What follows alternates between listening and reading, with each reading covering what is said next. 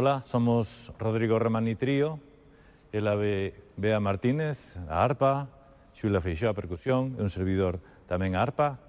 E vimos a tocar a música que facemos habitualmente, que normalmente pois é música de tradición oral, e, digamos que eh, combinada con composicións propias e composicións de outros, e actualizada ao presente hasta aí, pois é todo mm, moi, moi normal, porque afortunadamente hoxe en día hai moita xente que fai eso, O que pasa é que eh, a originalidade neste caso ven a partir da fórmula que utilizamos, que son dúas arpas e percusión, dúas arpas célticas, eh, que é un, unha formación non moi habitual en, en Europa. A partir desta sonoridade, pois construímos o noso discurso, Eh, tamén botamos man de algúns elementos, como por exemplo, pues, externos a, a, a esta combinación, como por exemplo, pues, a ocarina, pois digamos algunhas cousas, eh, bases electrónicas, eh, mm, e algún convidado de luxo, como que hoxe presentamos, Guillermo Ignacio, que estará con nós nunha, nunha preciosa peza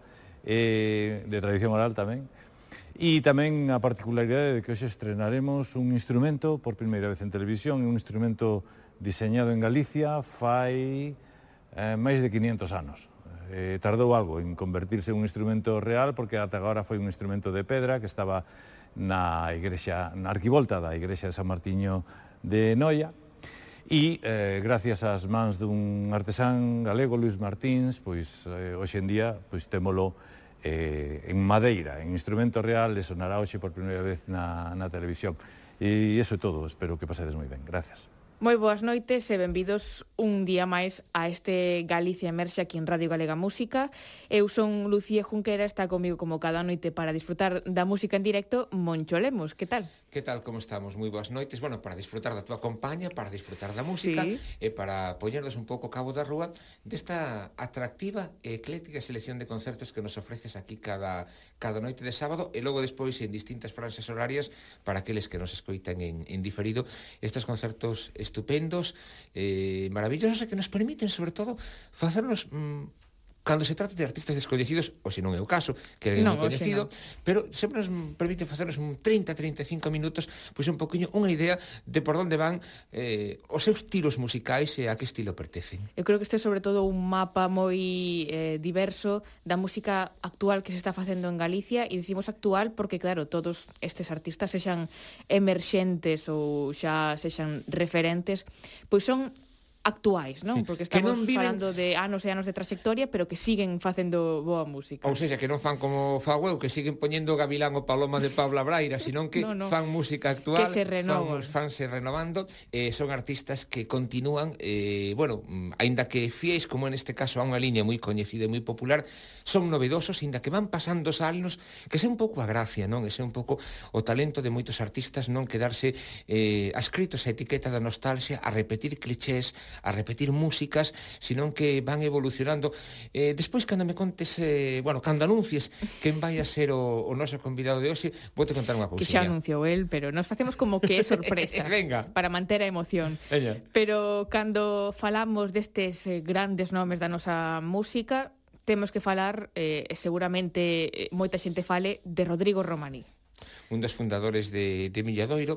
Despois nos estenderemos un poquinho nesa, nesa parte máis coñecida polo gran público, pero sí. creo que hoxe además nos tes preparado un programa para centrarnos precisamente na figura de, de Rodrigo Romaní. Eu decía isto que eh, recordo unha entrevista con el hai algún tempo que mm, manifestaba sempre o seu interés eh, o feito de mm, ele é profesor, adícase uh -huh. ao mundo da didáctica, dicía que le encantaba lle traballar con xente nova porque eso alimentaba, eso permitía en algunha medida estar aprendendo sempre das novas xeracións. Por eso o que decíamos, non que non está anclado na nostalgia e nuns clixés, senón que estás alimentando constantemente das novas creacións e daquelo que, que aporta a xuventude coas novas tendencias e que están sempre un poquinho camiño, inda que sexa por unha cuestión xeneracional máis pegados ao que o que se fai agora mesmo, non? Rodrigo Romaní naceu en Noia en 1957 e eu creo que podemos decir que desas eh, ou cabezas ou cabezas pensantes ou mans que fan soar a música en Galicia porque eh, desde os anos 70 que comezou eh, nesa década pois eh, é músico fundador dunha das grandes bandas eh, referentes da nosa música tradicional como é Milladoiro e tamén mestre como dicías ti Moncho e tamén productor de outros artistas que, que logo serían referentes, non? Serían referentes máis tardes, como por exemplo Susana Seivane ou o grupo Treixadura, non? Así que Rodrigo Romaní está eh, tanto en primeiro como en segundo plano en todo en toda a música que, que se fai en Galicia. É moi importante isto que, que conectes, porque moita xente se queda eh, a veces con, con nomes tan coñecidos e tan populares con esa cara que os identifica cunha formación en concreto, mm. pero ás veces están por detrás traballando, se un ve así con, con mimo e con detemento eh, as carátulas dos discos, os créditos e onde aparecen aí moitas iniciativas estamos hablando, por exemplo, da Orquesta Son de Seu, que mm. está tamén detrás, e logo que ti decías, non? Ese labor que fai como docente docente no Conservatorio Superior de Música Tradicional na Escola de Artes e Oficios de, de Vigo. E sobre todo, eu creo que nos queda a mí sempre me gusta quedarme con esa idea de toda unha vida dedicada á música e tradicional de Galicia, non só a tradicional, tradicional, sino a, a renovarse e, e a reinventala. Claro, porque imos falar de Melladoiro, por suposto que hai que falar de Melladoiro, pero que Rodrigo comeza xa no ano 2000 a súa carreira en solitario, así que ten case tanta trayectoria en solitario, en solitario como, como, como con, con Milladoiro, non? Tres discos publicados eh, en solitario que son Albeida, Cantos Caucanos e as Arpas de de Breogán, pero que a historia tampouco remata aí, porque no ano 2018 eh, anímase cunha nova formación que é o Rodrigo Romaní Trío, que completan Beatriz Martínez e Xulia Feixó, eh, que ten un disco, Fíos de Ouro no Ar, e isto é o que podemos escoitar eh, eh, esta noite aquí no Galicia Emerxe. Ou se que é un pouco a parte central do concerto que, que vamos a ofrecer hoxe, non? Claro, temos eh, tres etapas, non? A mm. etapa mm. Milledoiro, etapa solista e esta última etapa trío, que é pois a máis renovadora e máis experimental de Rodrigo Romaní, que é a que ven presentar hoxe no Galicia Emerse, así que se che parece podemos comezar sí, a escoitalo. porque ademais estou encantado, porque é a parte que eu máis descoñezo de, de Rodrigo claro. Romaní, supoño que moitos ointes vais pasar o mesmo. Entón, é unha posibilidade de descubrir esa outra faciana, esa outra cara dun artista que coñecemos fundamentalmente o que ti decías, polas súas eh, os seus magisterios e evidentemente pola súa etapa en, en Milladoiro. Vale, pois encantado e, e a disfrutar deste desta outra cara artística e creativa de Rodrigo. Pois aquí está Rodrigo Romani coa súa arpa, co seu trío, con este disco Fíos de Ouro no ar.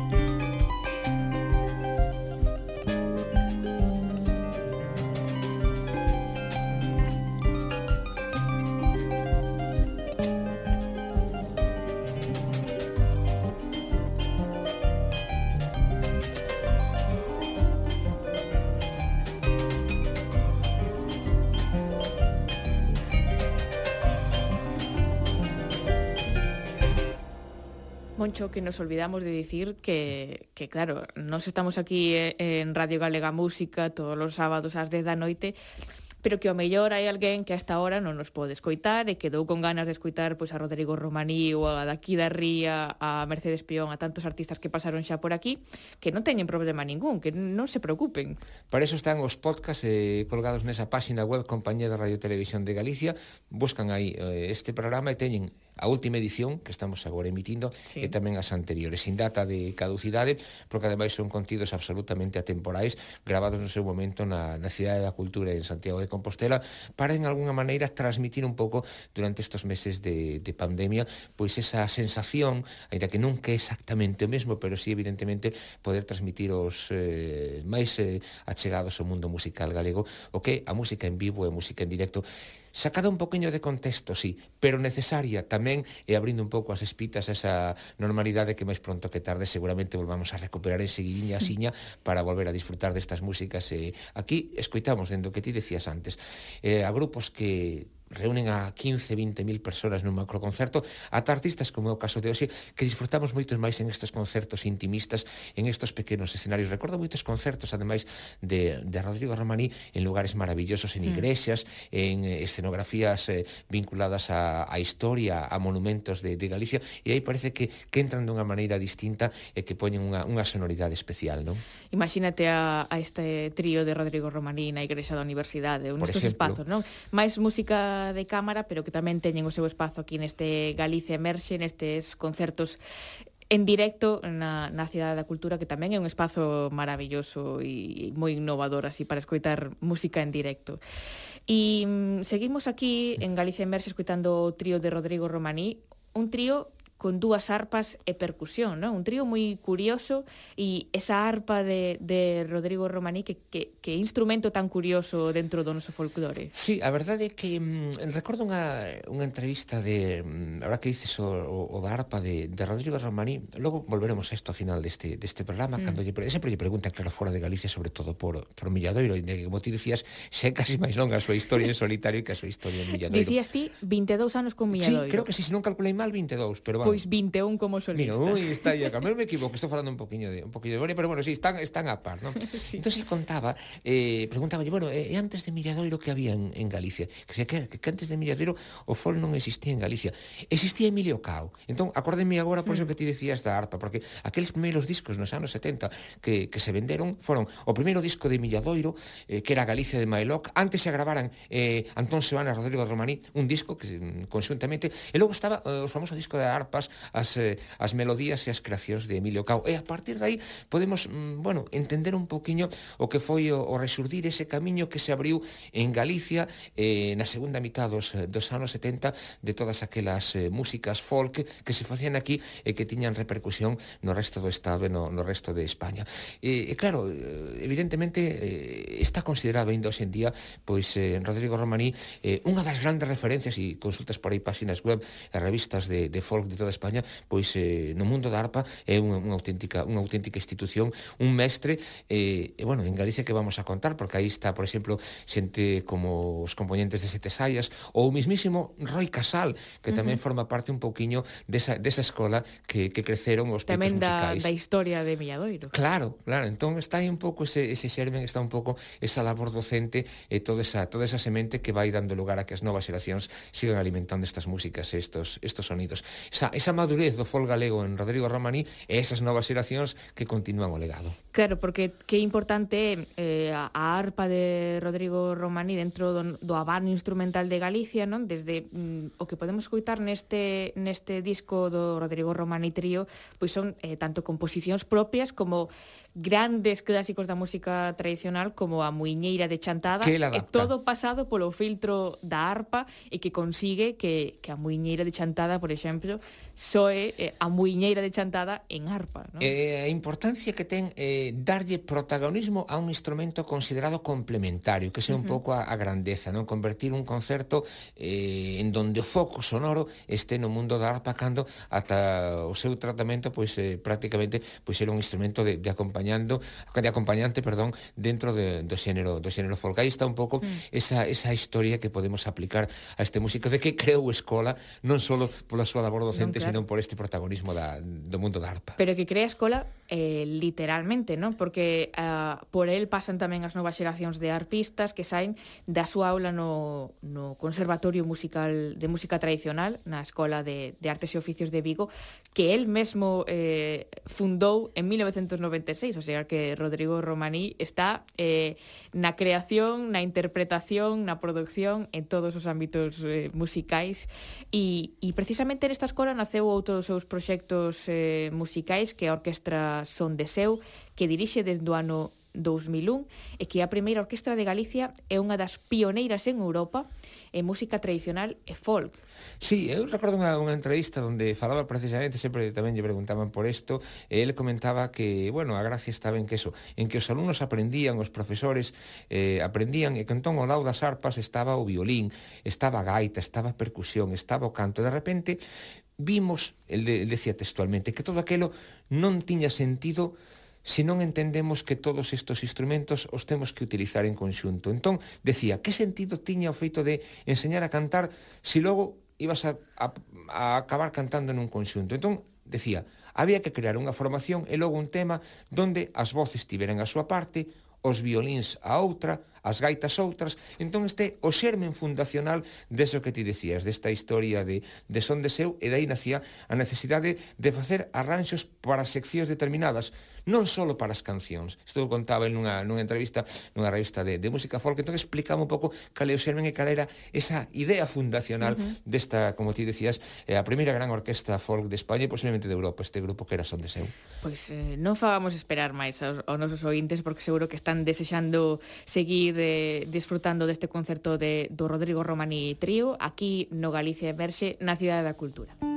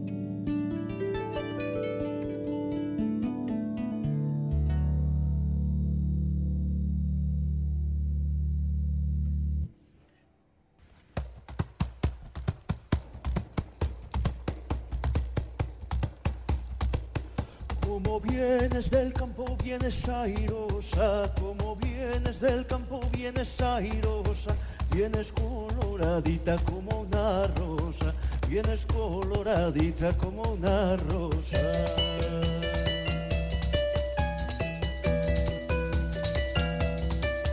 De la ribera vengo de ver un prado, de la ribera vengo de ver un prado, y el galán que me ronda vive engañado, y el galán que me ronda vive engañado.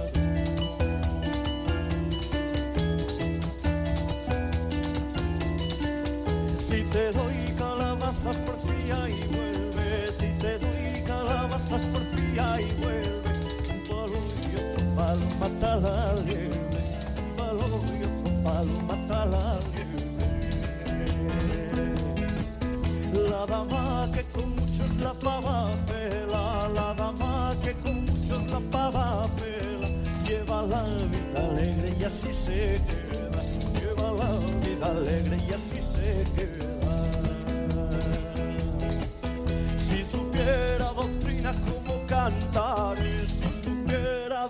como cantares, no me llamaban a las capellanas, no me llamaban a los capellanes.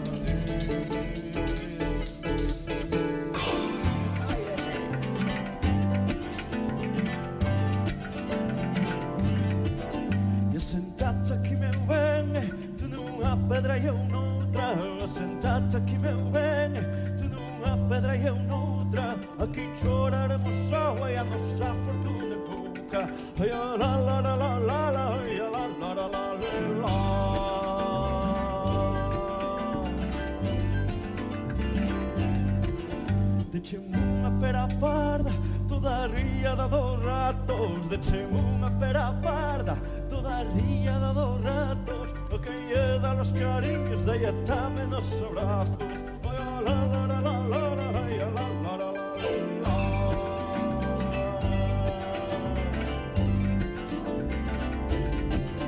Aldea por aldeiña, aldea por aldeone, aldea por aldeiña, aldea por por aldeia non é Aldeia por aldeia como a do pilleiro non é La la la la la la la la la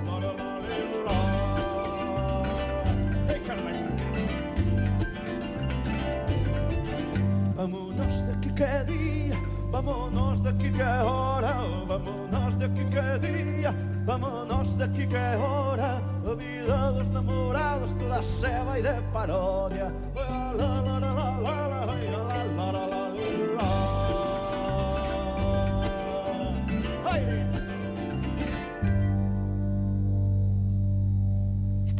Galicia Emerxe escoitando o Rodrigo Romaní Trío. E xa falamos de Rodrigo Romaní, falamos da súa arpa, deste trío, e eu sei que ti, Moncho, estás desexando que falemos da historia de Milladoiro, non? Bucear sí. un pouco máis na súa historia. Eh, a mí me gustaría recuperar un pouco a historia de aproveitando esta visita, sabes que sempre aproveito para pedirte que me ese, eh, ese, este case estamos convertindo o tramo final do programa nun programa de peticións, non? Entón eh... A todo andaremos, a todo andaremos. Pero ainda nos queda concerto de Rodrigo Román. Vale, pois pues, eh? pero apunta, non, apunta, apunta, apunta, para despois. Si sí, tamén é importante recalcar que este ano foi Premio Laseiro 2021 Rodrigo Rodrigo Romaní precisamente para trascender un pouco a importancia de, de, de, deste nome moito máis alado do, mundo do mundo musical, un premio que otorga uh -huh. a fundación que leva o nome do o nome do, do artista. Eh, a mí me interesa moito, sempre me interesa moito de, de Rodrigo Romanín esa parte de arpista autodidacta e contame esa anécdota que me que me decías antes dese accidente que tivo no 2013 e que consegui, bueno, que tivo en algunha medida que, que claro, reinventarse, non? Porque Como foi eso? cando te dedicas a tocar un instrumento, pois as túas mans son eh, O teu Prácticamente o teu instrumento. Como para nós, ¿no? a voz. Exactamente. Entón, claro, ali polo ano 2013, eh, Rodrigo Romaní sofreu un accidente co que perdeu pois, eh, parte dunha falanxe dun, dun dedo, dunha man.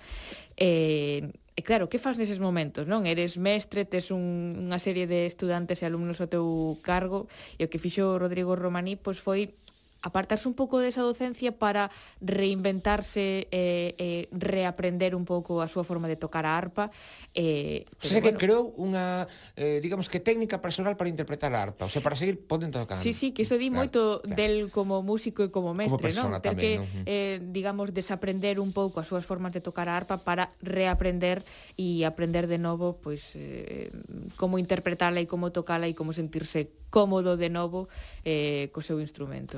Curioso, porque ademais tamén isto me, nos permite recuperar un pouco, claro, poderíamos facer aquí casi medio programa contando todos aqueles premios e todos aqueles galardóns que ten, pero, por exemplo, sabes que a mí me gusta moito falar de cine, de feito, tamén cobro por falar de cine moitas veces, sí. entón, bueno, el tivo o Goya, a mellor banda sonora, eh, levou tamén o Pedrón de Ouro, un premio María Casares, eh, o Premio Nacional de Folclore no ano 2017, e logo, eh, é interesante tamén o que, o que ti decías ao principio, principio de presentando este este programa, non? Para aqueles que que, non, que cheguen un poquinho tarde, recordar que ele está detrás como produtor dos primeiros discos de xente tan importante como Treixia Dura ou Susana Seivane. Sí. Porque mm, a todo pasado todos somos artistas e todos somos figuras, non? Pero o principio eh, a capacidade ese, é ver alguén que aínda non despunta e decir, ah, pois pues esta persona ten posibilidades, ai, ai pois por aquí pode haber un camiño. Mirade o feito de eh, algo viu sí. en xente como Susana ou como Treixia Porque... Dura para entender que aí había un, un proxecto proxecto de, de longo percorrido. Claro, falamos agora de Susana Seibane que mm, é outra das grandes referentes da música tradicional e, e na, na trayectoria e na carreira de Susana Seibane tivo moito que ver eh, claro. Rodrigo Romaní. Foi Esa primeira persona que creen o seu descubridor claro. e o seu mestre eh, primeiro, non? Entonces, eh, que disfrutamos a, a Susana Seivane porque Rodrigo Romaní eh, viunela algo Algo especial. que a diferencia un poquinho do resto que tiña ese plus engadido que moitas veces teñen a que eras xentes que son vos músicos pero que teñen eh, bueno, ese valor engadido de acabar, acabar convertíndose en, en figuras en xente que que, que trascenden máis alá do, do propio ámbito do, do que a música que a música que toca. Uh -huh. entón, Decías que ainda nos quedaba outro outro sí, bloque deste concerto, sí, sí, ainda nos bien. quedan algunhas eh, últimas pezas de, de Rodrigo Romani e Trío neste Galicia Emerxe e despois de escuitalas teremos pues, ese agasallo para Moncho vale, para pues que vaya máis tranquilo. Un, un revival ata a ver que con que me sorprendes, hai moito para escoller, porque mira, dende 1980 que aparece o primeiro disco de, de Milladoiro a Galicia de Mailoc, aí temos para escoller, pero bueno, calquer cosa que me poñas sabes que me vai a gustar, non sei se que va.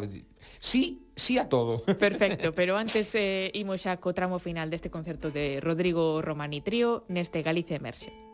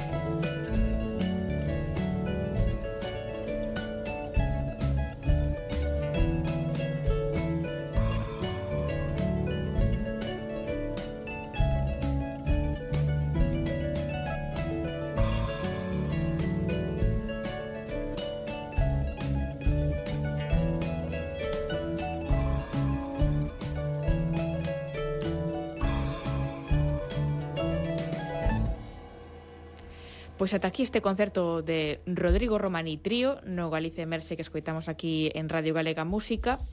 Eh, xa sei que, que Rodrigo Romaní o mellor para as novas xeracións pois non é un nome tan coñecido así por si sí mesmo, pero se falamos de Milladoiro, seguro que sexas eh, novo, bello ou, ou a idade que teñas a idade que teñas, xa coñeces algo máis e sabes da, da importancia que pode ter Rodrigo Romaní na nosa música. Sí, se andas máis próximo aos 60, para ti o, o nome de, de Rodrigo Romaní, eh, se si eras amante da música folk, vai, in, vai unido ao de Antón Sebane, non? Sí. Eh, isto era como no, naqueles anos 70, no Atlético de Madrid, que eran Gárate e Luis que iban xuntos. Bueno, ou eh, Leiviña e Pereira, non? No Atlético de Madrid. Bueno, pensé que eran Antón Sebane e Rodrigo Romaní, que foron os, os fundadores de, de Milladoiro, que, bueno, que andaban no, en grupos, tiñan amigos en, en grupos como Voces Ceibes, tamén estaban interesados na música culta e, e medievalista, entón empezan a descubrir, empezan a interesarse tamén pola, por grupos que facían música folk nas festas e nas romerías. Un pouco, un pouco desa conxunción da música popular, dos uh -huh. gaiteiros, das romerías e a música culta, a incorporación de outros artistas, pois aparece o fenómeno o fenómeno milladoiro. Eles graban aquel primeiro disco, pero logo aparece xa coa etiqueta de milladoiro aquel disco, si creo que en 1980, falo un pouco de memoria, que era a Galicia de Mylock, que o disco fundacional sí. de, de Milladoiro que coincide precisamente nunha década onde todo aquilo que ven coa etiqueta de folk é superventas eh, ten lugar destacado nas estanterías das tendas de discos os programas de radio programan música folk os grandes concertos de música folk enchense e aí nese carro onde está Milladoiro pois eh, aparecen tamén as influencias de grupos como Chieftains, de Alan Stivell, había un selo musical en España moi famoso que era Guimbarda que publicaba un montón de artistas folk de, de toda Europa entón nese carro Pois está, está Milladoiro, logo a época que comentamos outras veces neste programa falando de música folk, que actúan en Estados Unidos, que actúan en Xapón. E a mí unha cosa que sempre me chamou moitísimo a atención de Rodrigo de Romaní sí. é como se baixa do carro no momento de maior éxito. Na época en que Milladoiro pues, está, está per, percorrendo prácticamente... E saiulle ben a súa. E saiulle ben, claro. É moi difícil saírse dun carro que está exitoso. Normal, e ti, bueno, o que estou cómodo, eu, isto funciona eh, por si sí mesmo. Cantas historias hai no mundo da, da música de xente que está acomodada nun proxecto, nun formato, sin innovar, eh, tocando sempre as mesmas cancións, eh, estirando a corda hasta o chicle hasta que dure. Sin claro. embargo, por eso creo que é moi interesante este, esta, cando, esta aposta personal. ¿no? Pero cando falamos de, de Miadoiro, un grupo que nace aí ao finais dos 70, que se, que se suma a ese carro nacente da, da música tradicional, da música folk, eh, que ten máis de 40 anos de traxectoria, que segue sendo un milladoiro estea ou non estea Rodrigo Romaní, estea ou non estea outros fundadores, veñan uns novos, Milladoiro a marca potentísima, claro, que a marca potentísima, ¿no? o que comentábamos ao principio, non antes de Milladoiro pois pues, estaba eso, estaba Emilio Cabo, había un grupo en Coruña que se que se chamaba Andoa, pero Milladoiro foi o escaparate. Foi naquel momento eh, era decir música folk galego, era decir Milladoiro. De feito, agora mesmo moita xente eh, podes facer unha enquisa e di, dime dous nomes de, de xente de Milladoiro, pois pues, nin idea. Claro. claro, entón, pero sin embargo, Milladoiro te sona, sí que sí que me sona, ese, esa grandeza un pouco de eh, da potencia dun grupo cando eh, trascenden eh, as... Podo facer un chiste? Eh, este é o teu momento. facer unha pregunta. Acordaste de Locomía? Sí. Aqueles... Verdad que nunca coñecías os, os nomes da xente non de locomía? Non teño nin idea. Acordaste da década prodigiosa? Bueno, a ver, aí xa me pillas. Verdad que nunca coñecías os componentes da década prodigiosa? Pois pues isto, hombre, salvando as distancias, isto, eu tampouco, eh, por eso digo, sí, sí, sí. isto é un pouco a historia, non é? A imaxe impotente tamén en grupos, en grupos serios, entre comillas, como Milladoiro, pois, pois pase eso. Eh, a etiqueta eh, supera os seus, os seus propios componentes. 40 anos de traxectoria, eh, nin máis ni menos que 20 álbumes de, de estudo e logo outros máis eh, en directo e outras eh, pues, esos grandes éxitos non de, de Milladoiro dende aquela Galicia de Maelo ata o disco Atlántico no 2018 eh, a música de Galicia ten leva por nome Mía Doiro, podíamos decir, e así que que mellor forma de despedir este Galicia Emerxe que coa súa música. Pois pues volvemos ás orixes de, de Rodrigo Romaní precisamente con estes minutos finais con Mía Doiro. Un placer, como de costumbre, pasarme por aquí, Lucía, como cada, Igualmente, cada semana. despedimos este Galicia Emerxe este sábado aquí en, Gal en Radio Galega Música con esta danza e contradanza de Darbo por parte do grupo Milladoiro. Ata semana que ven. Hasta loquiño.